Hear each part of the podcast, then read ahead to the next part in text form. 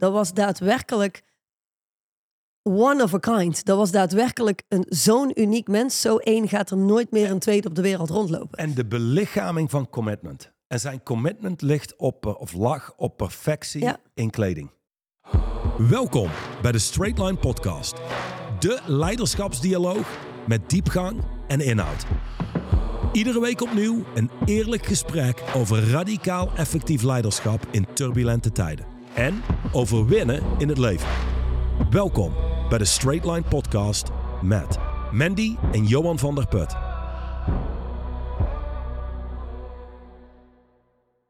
Mandy, welkom. Dank je, dank je wel. De laatste podcast Van deze reeks. van deze reeks. Ja, van deze reeks. Want deze reeks is de reeks genaamd het Straight Line Leadership boek. En eh, dit is inderdaad de podcast die gaat over hoofdstuk 49. De allerlaatste, het laatste, nou het voorlaatste hoofdstuk van het boek, maar het laatste hoofdstuk dat wij behandelen in de podcast. Leg eens uit aan onze luisteraars waarom wij de laatste hoofdstuk niet doen waar ik zo op aandring. Ehm, nou, daar dring jij niet op aan. Het laatste hoofdstuk is hoofdstuk 50, wakker worden en de contrasten gaan zien. Dat zijn, ehm, nou ja, nog een hele hoop nieuwe distincties, waar verder geen hoofdstuk omheen gebouwd is. Eh, echter is dat het natuurlijk wel, maar ja, die behandelen we in onze lidmaatschappen. Eh, onder andere deze lijst. Nou, zo zijn er nog een hele hoop meer contrasten. Ongeveer 300 eh, Eh, distincties meer. Ja, op zijn minst. En worden ze ongeveer dagelijks bijgecreëerd. door onszelf, maar ook door onze leden ondertussen. Ehm, dus dat gaan we niet behandelen. We gaan vanaf volgende week iets nieuws doen. We gaan niet stoppen, we gaan iets nieuws doen. En eh, vandaag En ik ben is... daarbij. Jij bent daarbij. Jij bent daarbij. En ik ben daarbij. Tenzij onze luisteraars iemand anders willen dan jou en mij. Dan moeten ze dat gewoon netjes aangeven. Middels een LinkedIn Kunnen ze niet beter een een andere podcast ja, dat kan ook. Dat kan ook, maar als ze denken, ja, en we willen Johan en Christophe in plaats van Johan en Mandy, dat kan natuurlijk ook. Dan hoeven ze het maar te zeggen. En ik heb weer een uur eh, eh, gewonnen in de week. Maar ik moet eerlijk zeggen, ik zou het wel jammer vinden, want ik vind het wel heel leuk om te doen. Volgens mij werkt het. Dus ehm, ja, hoofdstuk 49 nu. Wij zijn wel de enige twee die geen podcast willen doen, maar steeds wekelijks enthousiast een podcast doen. Ja, maar ik vind het ook echt leuk om te doen. Ja, Ja. Alleen, we hebben, geen, we hebben geen behoefte om een of andere podcast celebrity te worden. Maar ja, we hebben wel de behoefte om ons werk te verspreiden. En eh, ja, dan Dat kom je toch gezegd, uit op dat, internet. Dat is wat het is. Ja, Dat, daar kom je toch op uit. Ehm, vandaag staat in het teken van hoofdstuk 49 de distinctie eh, de kost verdienen versus perfectie bereiken. Is een Waar ik- distinctie waar ik in de praktijk zelden aan toe kom met mensen. Eh, exact. de- Oké, ga door. Laat me heel eerlijk zijn. Het, het gaat over perfectie bereiken. Waar perfectie niet bestaat. Maar ik zal dadelijk doornemen wat daarmee aangeduid wordt in het hoofdstuk. Er is zoveel werk te doen met mensen dat voordat je uitkomt op dit hoofdstuk ben je over het algemeen 10, 15 jaar verder. Ja, nou, wat, ik, wat ik wel leuk vind aan de distinctie is dat ik, ik verwacht dat veel mensen.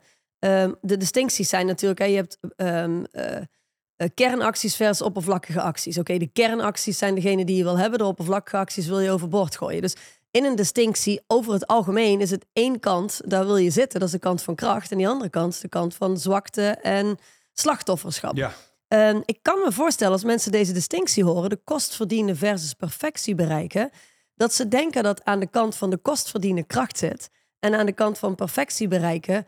Daar Eh, verlies je kracht. Ja, dat kan ik me goed voorstellen. Zeker omdat wij ehm, in een tijd leven waarin eigenlijk meer en meer gezegd wordt dat je rustig aan moet doen, dat je uit moet kijken, dat je eh, geen perfectionist moet worden, dat je ehm, niet te veel druk op jezelf moet zetten, niet te veel stress moet geven, weet je, al, al die dingen. Dus perfectie bereiken is volgens mij iets geworden in onze maatschappij waarvan mensen zeggen, daar moet je vooral van wegblijven, dat moet je niet willen. Perfectie bestaat niet, et cetera, et cetera.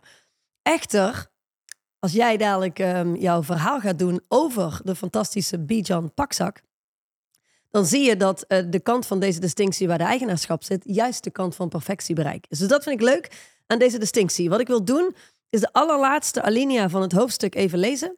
En dan, eh, dat is een mooie introductie in, eh, in wat jij vervolgens gaat vertellen. Is dat oké? Mr. Ik ben er Vander helemaal Powers. mee, Mandy. Ehm, het is jouw podcast. Je hebt ook bepaald dat we door blijven gaan. Dus laten we dit bombarderen als de Straight Line podcast dank je. onder ben- leiding van Mandy. Ik ben wel blij dat jij ehm, eindelijk, eindelijk aan de kant zit van Dushan. Want die zegt natuurlijk altijd, Mandy, it's your company. Just tell me what you want. En dat doe jij nu ook. Dus Ja. dank je. Dank je, heel fijn. Oké, het laatste deel eh, van ehm, dit hoofdstuk staat het volgende. Ik heb zijn verhaal voor het laatst bewaard omdat Bijan de kracht van straight line leadership zo geweldig illustreert. Hij leidde zichzelf en iedereen om hem heen naar enorm succes en rijkdom. Hij deed dit door het toonbeeld te zijn van een krachtig commitment en door resoluut te blijven in zijn handelen. Hij heeft de wereld laten zien dat wanneer je inner stance helder en kloppend is, je ieder resultaat kunt bereiken dat je wil. Eigenlijk is dit hoofdstuk. Voelt een beetje alsof Dushan een distinctie bedacht heeft om een hoofdstuk te kunnen wijden aan Bijan. dat, dat, dat, is bijna wat het is. Um, maar neem niet weg dat er heel veel fantastische ja, ja, dingen in het hoofdstuk zitten. Er is een uitspraak over Bijan en ik weet niet meer exact hoe die gaat. Ik weet alleen de laatste zin. Weet je, vele mensen imiteren een hele hoop. Um, Bijan is like no one. Ja, dat is, um, uh, dat is niet van Bijan zelf. Nee, er staat een andere quote in dit boek ook over Bijan. Life oh, ja, maar... imitates art. Ja. Bijan imitates no one. No one, ja. Wat misschien leuk is om even mee te starten, is dat aan het begin van dit boek, bij hoofdstuk 1, er ook een quote van Bijan staat. Dus het, het, het boek opent ermee en het boek sluit af met deze fantastische man. Die quote is: The world said conform. The world said settle for less. The world said compromise and no one will know. So I made my own world. Dat Bijan. omschrijft Bijan. En ik heb de beste man nooit gekend. Ik ken zijn winkel, ik ken zijn kleding en zijn producten. Um, Bijan was overleden, ik denk een jaar of zo, of twee jaar voordat ik ging werken met Dushan. Die quote, laat ik zo zeggen, Bijan is een man op zichzelf en staat op zichzelf als mens, qua inner stance, hoe die overkomt, wie die is. Ieder mens is uniek. Weet je wel, dat, dat zie je ook vaak voorbij komen met life coaches. Vind je eigen unieke whatever. Iedereen Mhm. is uniek. Laten we eerlijk zijn. De meeste mensen zijn niet zo uniek, zijn min of meer zoals anderen. Ja. Zo iemand als Bijan was werkelijk uniek in zijn commitment waar hij vandaan kwam, in zijn manier van zijn, in wat hij vanuit daar gebouwd heeft. Oké, nou, uh, wij zijn natuurlijk uh, uh, beide in zijn winkel geweest. We hebben, we, we hebben zijn, eh, zijn zoon ontmoet die het uiteindelijk voort heeft gezet. Um, wij hebben uh, hem echter nooit ontmoet, maar... Je hebt kleding van, van hem van, in, in ja. je kast staan. En via de verhalen van Dushan hebben we natuurlijk veel van hem meegekregen. Maar de luisteraar wellicht helemaal niks. Ja. Um, dus uh, om te voorkomen dat ze nu moeten gaan googlen, vertel eens, wie is nou, dus, Bijan? Bijan is een kledingdesigner, um, is een, uh, volgens mij een immigrant um, naar Amerika gekomen. Ja. Had op zijn vijftiende of tiende al besloten, ik word de beste kledingdesigner voor mannen op aarde. Um, heeft een, een, een, winkel gestart. Kon niemand vinden die zijn kleding kon maken zoals hij het voor ogen had.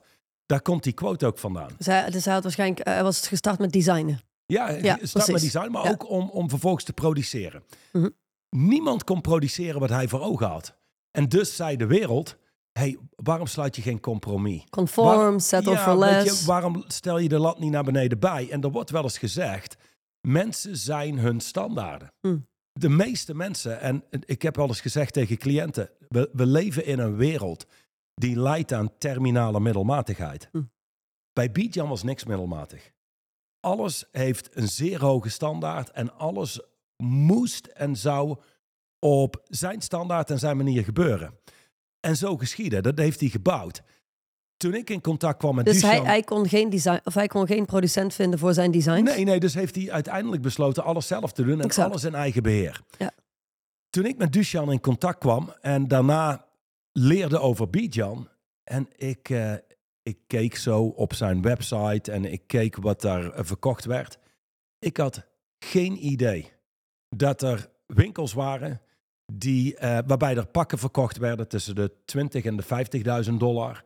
Een uh, chinchilla bedspray, 200, 250.000 dollar.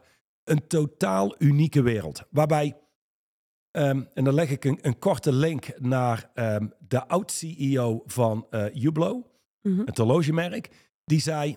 Die, wie, wie, is die oud-CEO? Uh, Jean-Claude Biver. Okay. En die zei ooit, the average man hates Hublot. Hm. You need to develop a certain kind of taste and consciousness ja. to really appreciate the brand. Ik denk dat niks is minder waar bij Bijan. Eén, de mensen die daar komen, presidenten, sheiks, invloedrijke mensen, die hebben een aparte smaak. Dus verwacht niet dat je in een winkel binnenloopt En dat je mode ziet en de laatste mode. Het, is een, eh, een a distinguished taste. Het is Ik weet nog, iets eh, anders. ja, ik weet nog dat Dusan, eh, grappig hè, ik bedoel, ik, ik eet natuurlijk al meer dan twintig jaar geen, eh, geen vlees en vis. Maar wat kreeg ik van Dusan als cadeau? Een van de, in, in de eerste jaren dat ik bij hem kwam, was een, eh, een jas van Bijan with mink on the inside. Weet je nog? Ehm, maar dat is wat hij deed, zeg maar. dat, dit, dit dat, is wel een goede distinctie, exact. ja. Dus um, Bijan is zo distinct anders. Wat deden mensen jaren 80, jaren 90, misschien nog steeds vandaag de dag? Wil je, wil je er rijk uitzien? Ja, dan draag je een bontjas. Ja, aan de buitenkant. Ja, 100 procent. En wa- waar hij van zei, no, no, dat draag je aan de binnenkant. Dat is En lekker zacht, dat is warm. Ik draag hem overigens niet, maar... Een, een jeansbroek, daar, 35.000 dollar. Daar had je bont aan de binnenkant. Eh, wellicht wat warm als je in Californië woont. Maar als je ergens woont eh, waar het koud is, of hier in de winter in Rusland Nederland of zo.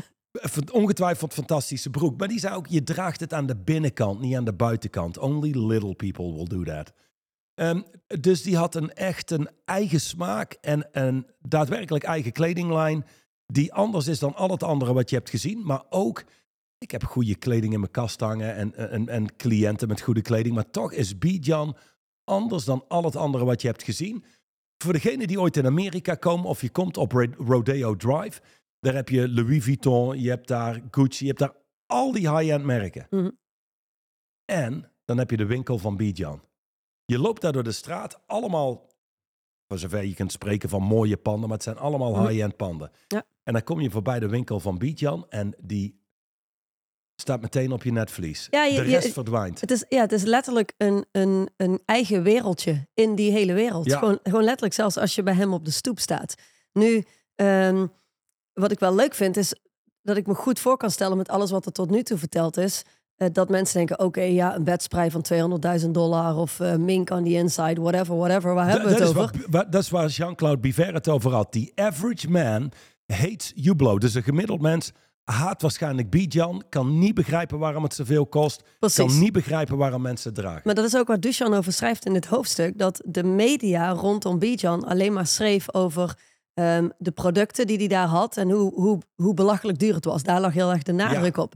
Ehm, waar Duchan hem natuurlijk heel veel jaren persoonlijk heeft meegemaakt. En aangaf wat ze nooit gezien hebben. Is wie die man achter die winkel was. Ja, Dat was daadwerkelijk one of a kind. Dat was daadwerkelijk een zo'n uniek mens. Zo één gaat er nooit meer een tweede op de wereld rondlopen. en de belichaming van commitment. En zijn commitment ligt op, eh, of lag op perfectie Ja. in kleding. Ja, en, dat het is leuk, want mensen zeggen altijd: je perfectie bestaat niet. Totdat je in gesprek ging met eh, zijn cliënten, klaarblijkelijk. Ik bedoel niet dat ik dat gedaan heb, maar dat is wat Duchan vertelt. Eh, totdat je in gesprek ging met zijn cliënten, waar hij dus speciaal iets voor ontworpen had. En die hadden daar letterlijk niks op aan te merken. Dat, dat was voor hun absolute perfectie. Ehm, dus, dus wat is dan ehm, de, de uitnodiging in dit verhaal? Ja, zeg maar? nou, Waar, dus- waarom sluit Duchan hiermee af? Omdat als jij kijkt naar de wereld. Ik weet nog goed dat ik ehm, voor het eerst voor mijn idee een echte auto ging kopen. En ik Hm. had voor ogen, ik koop een Land Rover. En ik ging met het idee naar die garage toe. Wist ik veel toen dat tijd. Ik denk, ja, ik ga naar die garage toe. Je wordt daar in de watten gelegd. Je gaat een, een, eh, je gaat een hoop geld uitgeven voor een auto. En, Nee, de- ik moet eerlijk zeggen dat mijn ervaring bij de Suzuki toen ik nog heel jong was, een stuk beter was dan bij die high-end garages. Ja, ja nou, nou goed, daar, daar, goed dus, dat is mijn verhaal wat ik wilde vertellen in één zin. Oh, sorry. Maar ik, ik kom daar dus binnen met de verwachting, je, je, je echt, nou, niet als, een- als een bekendheid behandeld worden, maar gewoon, weet je, met aandacht eh, behandeld te worden en dat ze tijd hebben voor je. Ja. Ik loop die garage binnen, Ehm, niemand te bekennen, iedereen zit in zijn hokje, zijn werk te doen. Het lijken net allemaal eh, administratieve medewerkers. Het is een beetje zoals, ehm, ehm, dat zeiden wij vroeger wel eens, onze ervaring als wij in Maasmechelen Village kwamen, weet je nog? Ja. Daar woonden wij natuurlijk dichtbij. Dus dan gingen we daar altijd eventjes snel wat winkelen of wat halen of een beetje rondlopen. En als je dan een winkel binnenkwam, want wij gingen natuurlijk altijd op de momenten dat het niet druk was, wat niet vaak is in de Village. En als je dan een winkel binnenkwam, dan, dan deden die dames hun hoofd omhoog en ze keken je bijna aan, een soort van alsof we ze van hun werk afhielden of alsof we ze er, terwijl je, maar wij- zijn toch je werk? Ja, ja, dat? ja, Maar dat is ook bij die autogarages. werd, eh, werd de Village geopend inderdaad, jaren geleden. En ehm, ik, ik weet, er moeten dus twee mensen in zo'n winkel staan verplicht. Dus Ja. je hebt alle tijd op zo'n, weet ik veel wanneer we er ooit kwamen. Ehm, maar in ieder geval als, als het Ja. rustig was. Maar ze hebben geen tijd voor je, want Nee. ze zijn druk met andere dingen. Nou, mijn ervaring in die garage was min of meer hetzelfde. Ik weet nog dat ik op een gegeven moment één auto open doe en het alarm gaat af. Ik denk, nou, daar heb ik op zijn minst mensen een aandacht. Komt er iemand aanlopen met een, eh, een autosleutel, die zet het alarm af en die zegt, eh, "K- kijk gerust verder. Ehm, nou, het, het is dat ik al besloten had een auto wilde gaan kopen en dat de volgende autogarage, eh Land Rover dealer, eh, 50 kilometer verderop zat. Ik dacht, nou laat maar. Eh, maar dat was wel een, eh, een, een teleurstelling toen dat tijd. Inmiddels heb je een hoop ervaring en dan weet je, nogmaals, de wereld leidt aan terminale middelmatigheid. Ja. Mensen zijn over het algemeen gewoon niet heel goed in dat wat ze doen. En sowieso niet in service. Nee, Dat sowieso ze niet. zijn niet snel, niet scherp, ehm, niet oplettend. Nee. Ehm, het gebeurt wel, maar zelden. De, eh, in, het, in het boek, is wel leuk, ik zal dat eventjes voorlezen. Ehm, want dit gaat in precies op dat wat jij nu zegt en wat Bijan zo uniek maakte. Hoewel Bijan met een uitgesproken accent spreekt, is zijn volledige aandacht en communicatie zo doelgericht dat ik nooit een woord van wat hij heeft gezegd heb gemist. Bijan behandelt iedereen die hij spreekt alsof die persoon de enige persoon op de wereld is. Dat maakt deel uit van zijn perfectie. En omdat dit de kern is van zijn inner stance, hoeft hij er nooit over na te denken hoe hij met die ene klant moet omgaan. En voordat COVID kwam, hadden we nooit winkels waar je moest komen op afspraak. Nee. Nooit. Bestond niet. Bijan al sinds de jaren tachtig. Ja, de e- eerste dag dat hij zijn winkel opende, moest je op afspraak komen. Exact. Op afspraak, zodat hij daadwerkelijk tijd heeft voor je. Ja. Je kunt niet zomaar binnenkomen vallen. Ehm, die man en het level van commitment waar hij mee da- vandaan komt en de hoge standaard die hij hanteert qua communicatie, tijd en aandacht voor mensen, kwaliteit van dat wat hij produceert, maakte hem uniek. Teruggaan naar de maatschappij nu vandaag de dag. Als jij kijkt naar hoe bedrijven hun afspraken nakomen, als je kijkt naar de kwaliteit die mensen leveren en bedrijven leveren, de tijd die ze voor je vrijmaken, dan is er zoveel te winnen. Er zijn mensen die nu luisteren, die kunnen kijken naar een bedrijf en die kunnen zien dat ze, als het aankomt op sales, saleskwaliteit, kwaliteit van hun product, ehm, hoe, hoe ze hun boekhouding op orde hebben, die kunnen alles naar een totaal nieuw level tellen. Maar als jij gaat kijken naar hoe mensen zijn ingesteld, je hebt drie tandartsen in echt. Laat zeggen dat je twee tandartsen hebt en die zijn oké. Mhm. En je hebt één tandarts, is echt heel goed. Waar ga je naartoe? Naar de tandarts die echt heel goed is. Ja. Als jij ehm, een, een winkel hebt, of je hebt verschillende winkels, dan wie degene die echt heel goed is. Mensen maken daarin een mega verschil. En toch, als we gaan kijken naar hoe we omgaan met eh, ons bedrijf, onze omgeving, mensen in onze organisatie, daar zit je grootste kapitaal. Het is wel leuk dat je dit zegt, want ik zat gisteren samen met ehm, eh, twee mensen uit de bouw, een architect en een aannemer. En die hadden het over eh, personeel in de bouw en hoe moeilijk het is om handjes te vinden. En hè, eh, nou, gewoon het standaard verhaal in de bouw op dit moment. Ehm, waarvan ik, wa- waarmee ik niet wil zeggen dat dat wellicht niet waar is. Maar dat betekent niet dat er niet een, een weg is. Precies zoals Bijan, die creëerde zijn eigen Ja. wereld. En ik vond het wel grappig, want die aannemer zei op een gegeven moment... Ja, weet je, op een gegeven moment maakt het niet meer uit. Dan, eh, uiteindelijk als ik mensen aanneem die helemaal niks kunnen... dan maakt het zelfs niet uit. Want als ik zo'n project neerzet, er staan handjes... dan kun je in ieder geval zeggen, kijk, we zijn iets aan het doen. dat ik dacht, oh wauw, oké. dat, dat is soort van het, het, het, ja, het tegenovergestelde van wat dit hoofdstuk zegt. Het is letterlijk, ehm, we, we, we, we laten al onze standaarden los... omdat we nou eenmaal in een tijd en in een maatschappij leven... want dat is de overtuiging hè, die die mannen hadden...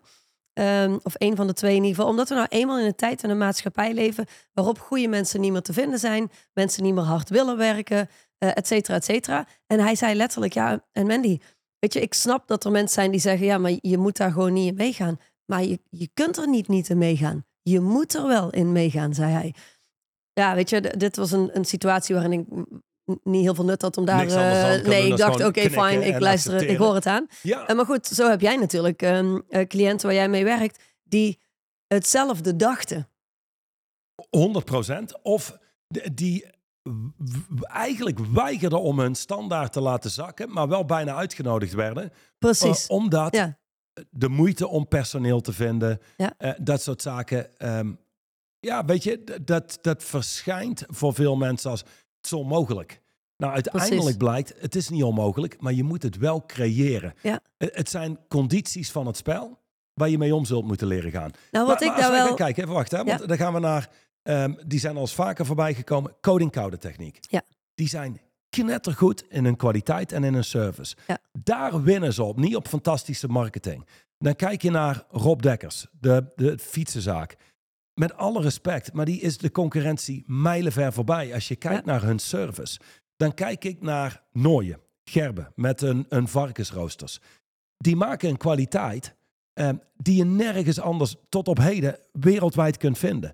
Dat maakt het verschil. Dan kijk ik naar Surix, eh, groep Surix, die ehm, eh, industrieel ehm, in de bouwwereld zitten, eh, Mhm. renovaties doen. Van Als je kijkt naar veiligheid en, en kwaliteit, is op een ander level. Ehm, kijk naar Stefan van den Bos, hygiënepapier. Hun logistiek, hoe dat allemaal is echt op een ander level. Ja. Misschien eh, geen Bijan level en waarschijnlijk in hun geval ook niet noodzakelijk om op Bijan level te Mhm. zetten. Ik denk niet dat mensen zitten te wachten op eh, koude installaties die zeven keer zo duur zijn.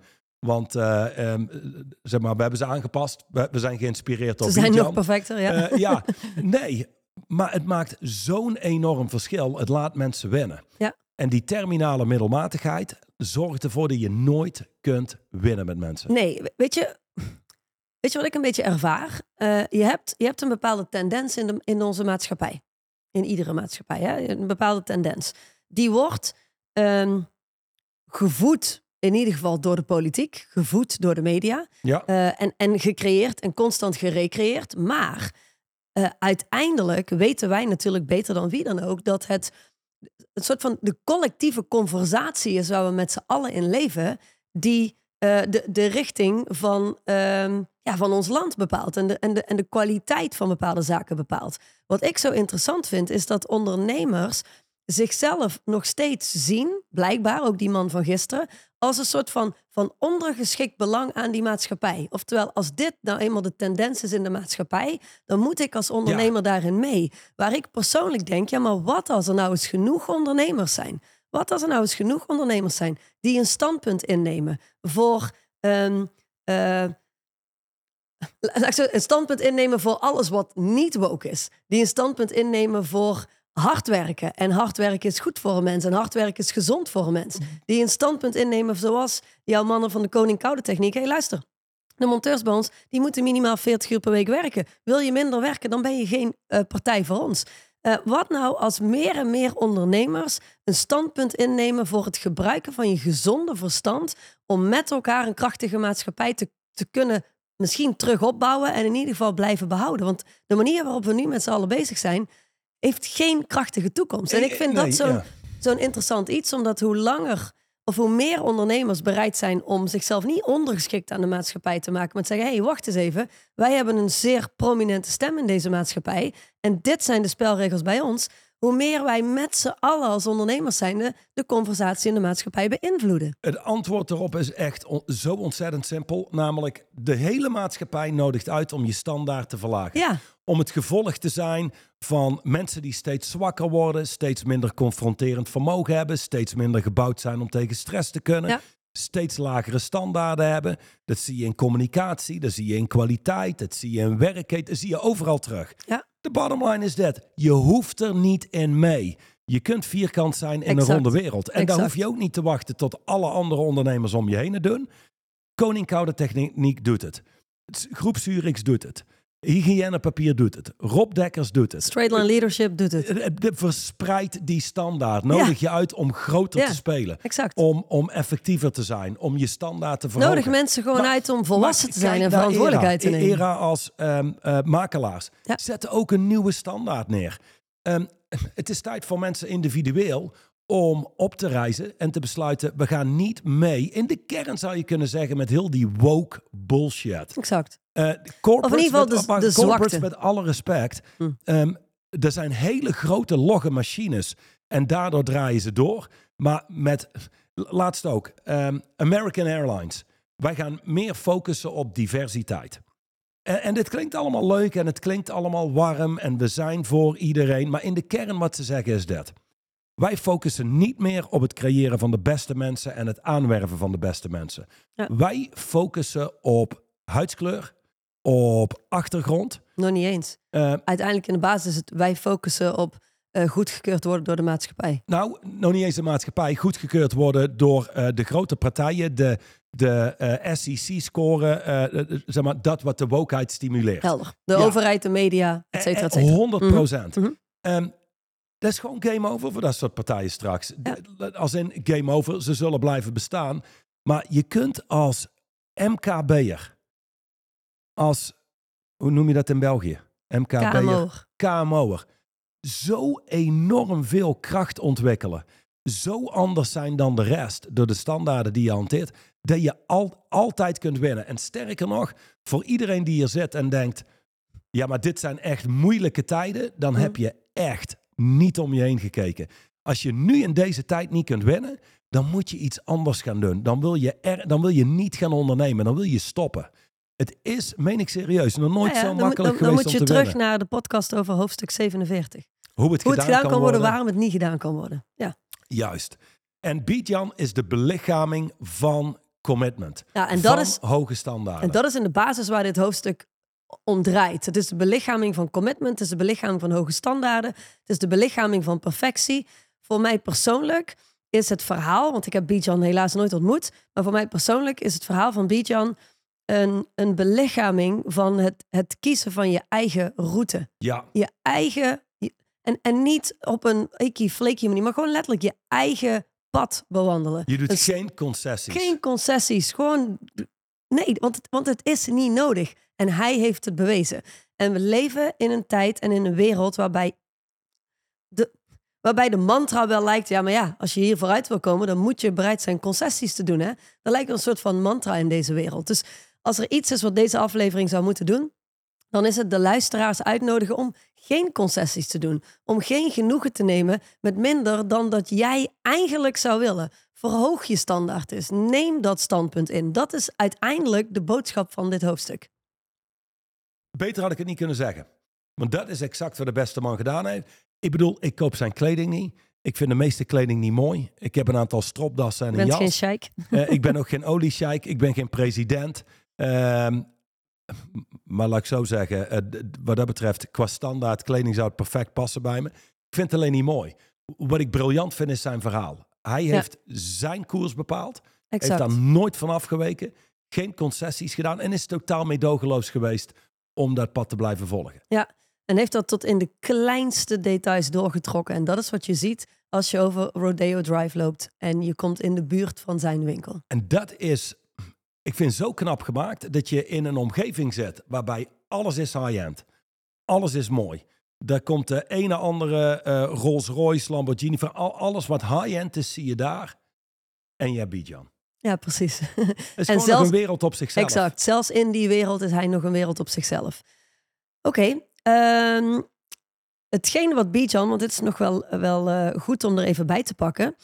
Intuïtief, dit staat in, in het hoofdstuk op de eerste pagina, eh, in hoofdstuk 49. Intuïtief heeft hij altijd geweten dat schaarsheid de waarde van iets verhoogt. Dit straight line principe leren we al onze cliënten in het bedrijfsleven. Maar Bijan leeft volgens dit principe. Hij laat zijn kledinglijn niet verpauperen. Let op, andere topontwerpers kun je misschien overhalen wat van hun kledinglijnen in de bijenkorf op te hangen. Of, hoe heten die winkels in de US? eh Neiman Marcus. Neiman Marcus of zoiets dergelijks. Maar Bijan nooit. Klopt inderdaad, want in Neiman Marcus heb je ehm, een heel aantal echt high-end eh, Mhm. kledingdesigners. Ehm, ben de naam kwijt van een aantal, maar een, echt hele goede pakken, ook enorm duur. Bijan zul je daar nooit zien. Ik Eh, weet niet of dat nu nog steeds zo is, hè? Want eh, toen wij zoon de, heeft wel gezorgd dat parfum en zo een aantal artikelen. nou ja, toen wij eh, natuurlijk in, eh, de laatste keer in Beverly Hills waren, toen was zijn zoon toch ook een nieuw pand aan het bouwen, weet je nog? Een nieuwe Bijan store. ja, Dus ik kan me ook goed voorstellen dat, dat, dat die extreme exclusiviteit ervan afgaat. Wat zomaar zou kunnen dat, ja, dat dan de vraag is, wat gaat het succes nog zijn? en Maar ja, dat extreme ehm, high-end zie je ook terug aan het volgende. Ik had er nog nooit van gehoord. Dus je, je ziet ze ook nergens. Maar als Nee. je eenmaal in die wereld leeft, dan ontkom je er niet aan. Dan, dan leer je ze absoluut kennen. Ehm, het, het gaat hier om dat schaarste creëert waarde. Mhm. Ehm, zie je, een, in, een, een inner stance kan ook schaars zijn. Ja. Middelmatige mensen, even lullig gezegd, zijn niet schaars, want die vind je overal. Ja.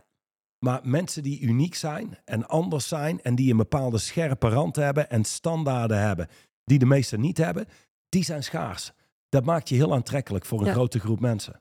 Dat is een hele goeie, want ik wilde jou net vragen. Hey, niet iedereen die luistert ehm, zit in een business ehm, op, op, op een manier dat je in een of ander heel high-end segment kunt gaan zitten. Nee, En dat is maar goed ook, want het gros van de wereld leeft niet in die high-end wereld. En, voor, en daar zijn ook ondernemers en leiders nodig.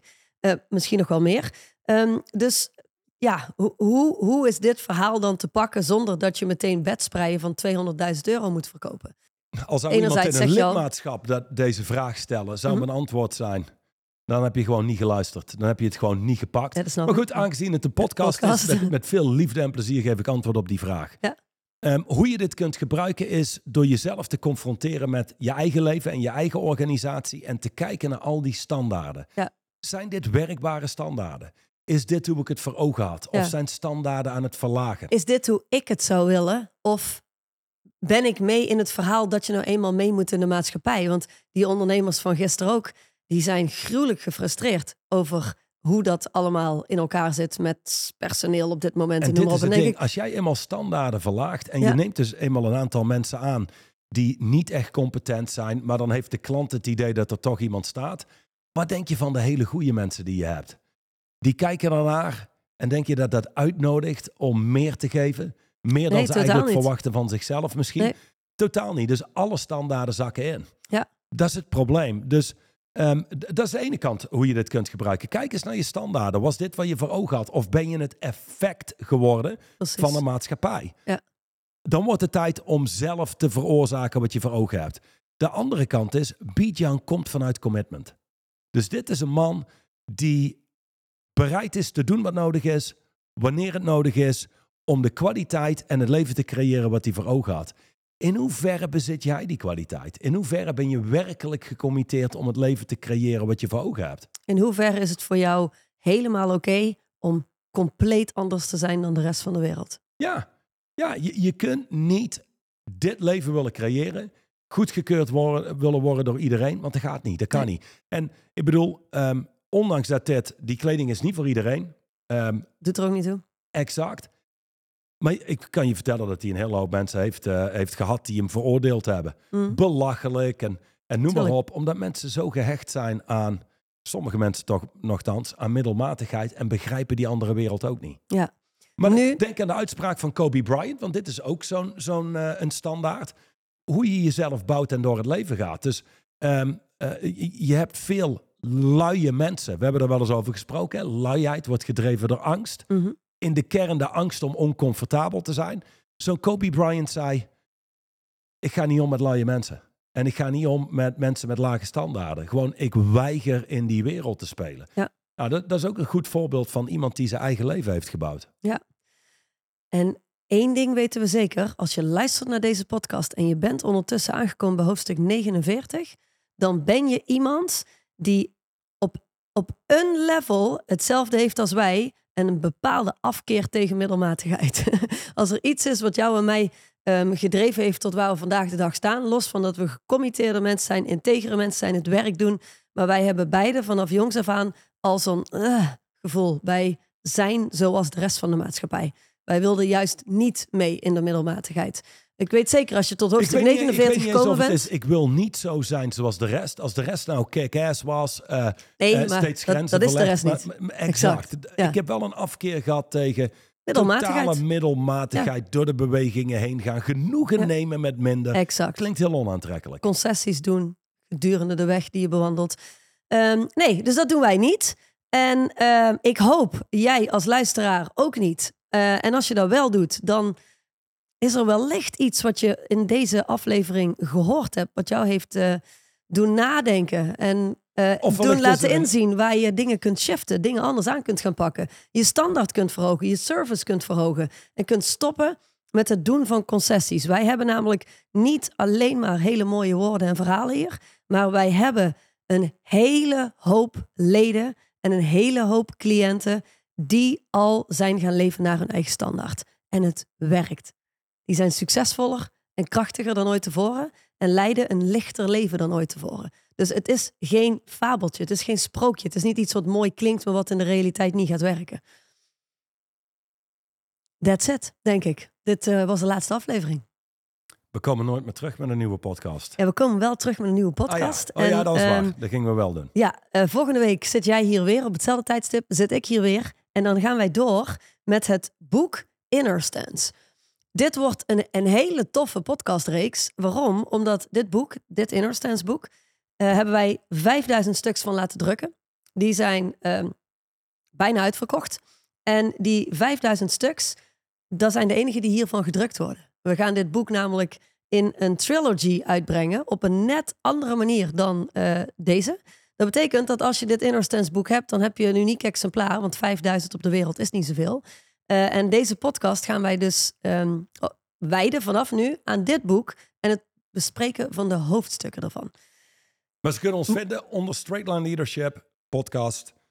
Ze kunnen daar subscriben. Ja, ja het, het blijft de Straight Line podcast en we gaan door met het volgende boek. Ze kunnen de notificatiebel, heb ik ook onthouden, aanklikken. Dan uh, krijgen ze een melding als er iets nieuws online komt. Ja, dat kan allemaal op YouTube. Je kunt ons ook vinden op Spotify, binnenkort ook op iTunes.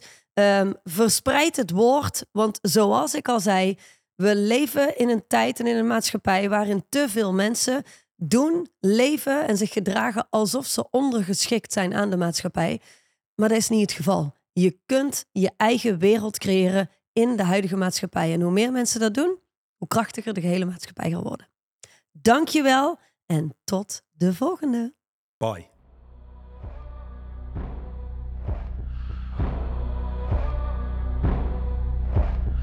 De overige podcast beluisteren of deze nog eens terugluisteren.